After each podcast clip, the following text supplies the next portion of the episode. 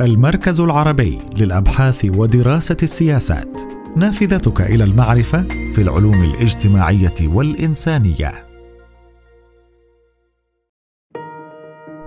قرار المحكمة العليا الأمريكية بخصوص إلغاء دستورية حق الإجهاض وتداعياته المحتملة على الانتخابات النصفية.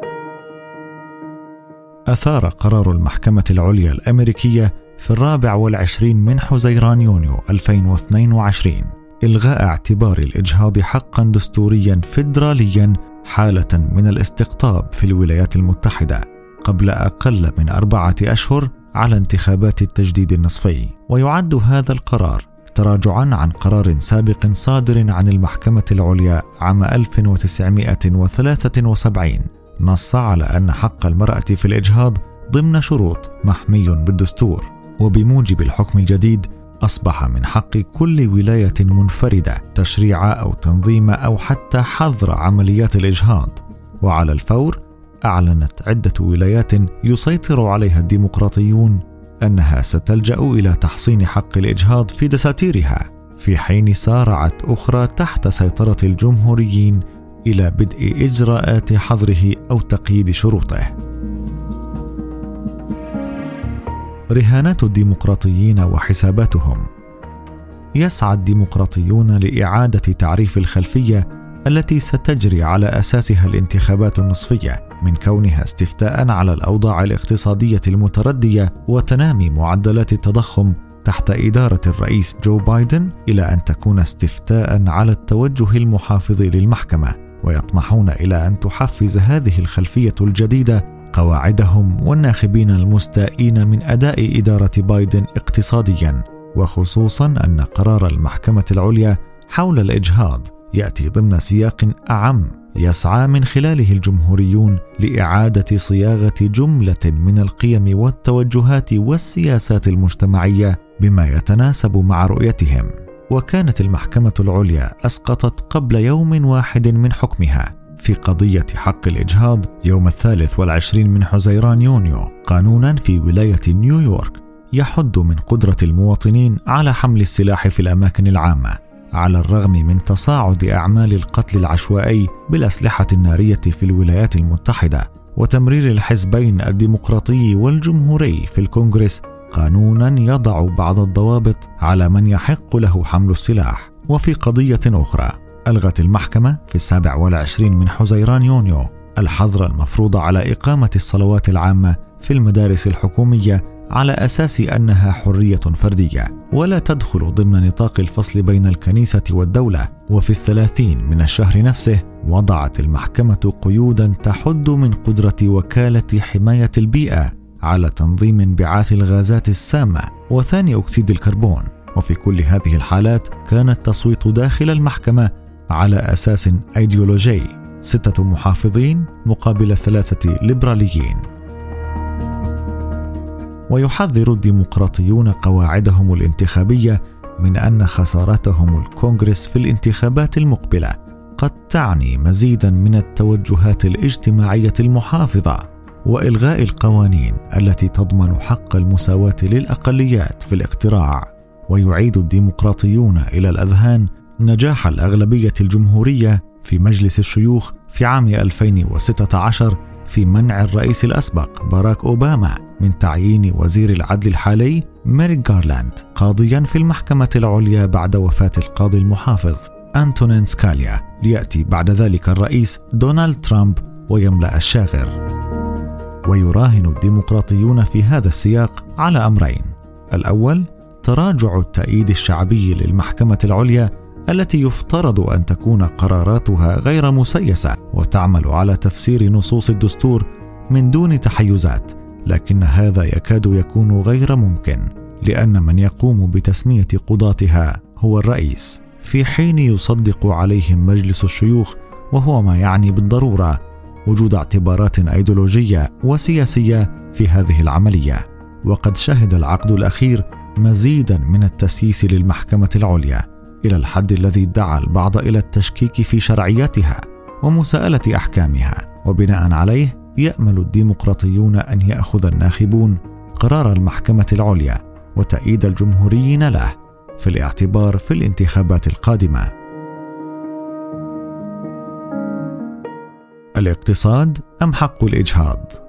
تشير استطلاعات الرأي إلى أن غالبية الأمريكيين ترى أن الاقتصاد هو العامل الأكثر أهمية في تحديد وجهة تصويتهم في تشرين الثاني نوفمبر المقبل. وبحسب استطلاع أجرته USA Today سافولك يونيفرسيتي قبل صدور قرار المحكمة الذي سرب نصه في أيار مايو 2022 أكد 59% من المستجيبين أن تصويتهم سيكون على أساس الاقتصاد في مقابل 29% قالوا إنهم سيصوتون على أساس الموقف من الإجهاض وأشار سبعة من كل عشرة أشخاص إلى أن قرار المحكمة لن يكون له تأثير في اختيارهم في الانتخابات المقبلة. ويظهر الاستطلاع نفسه أن نسبة التأييد الشعبي لأداء الرئيس بايدن تبلغ 39% في حين يقول 47% إنهم لا يثقون بقيادته.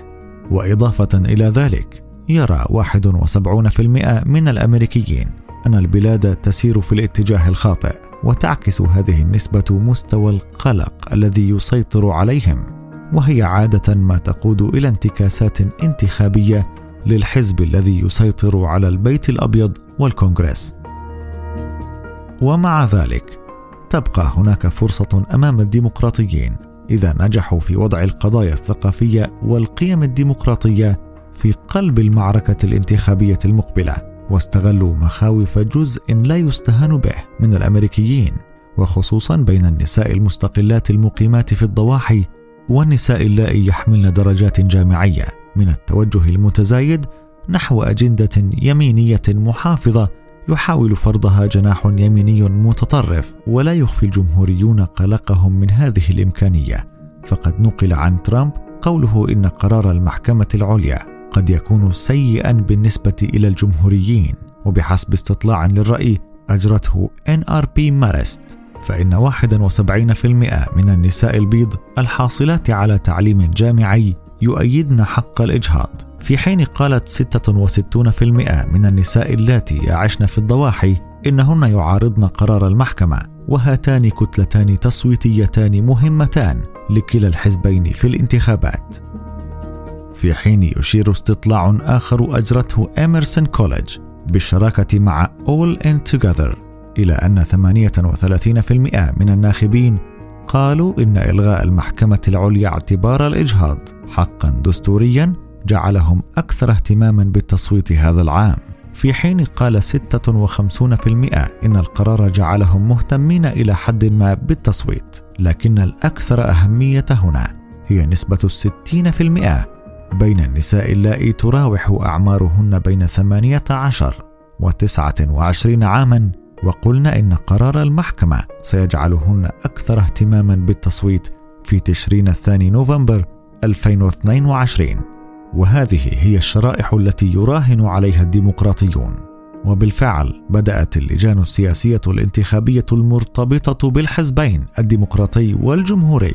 في إنفاق ملايين الدولارات على حملات إعلانية مؤيدة للإجهاض أو معارضة له وخصوصا في ثلاث ولايات ترجيحية وهي ميشيغان وويسكونسن وبنسلفانيا. في الختام سيكون الاقتصاد ونسب التضخم العالية وأسعار الوقود المرتفعة على الأرجح العوامل الأكثر أهمية في تحديد وجهة الانتخابات الأمريكية النصفية المقبلة. وسيصب ذلك في مصلحة الجمهوريين على اعتبار أن الديمقراطيين يسيطرون على البيت الأبيض والكونغرس. واذا سيجري تحميلهم نتائج الوضع الاقتصادي الصعب شعبيا.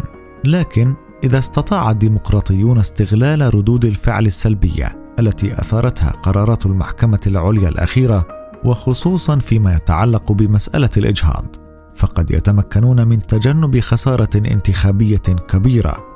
وبخاصة في ضوء توجه عدد من اللجان السياسية الكبرى المؤيدة للإجهاض إلى إطلاق حملة إعلانية بقيمة 150 مليون دولار حتى يوم الانتخابات.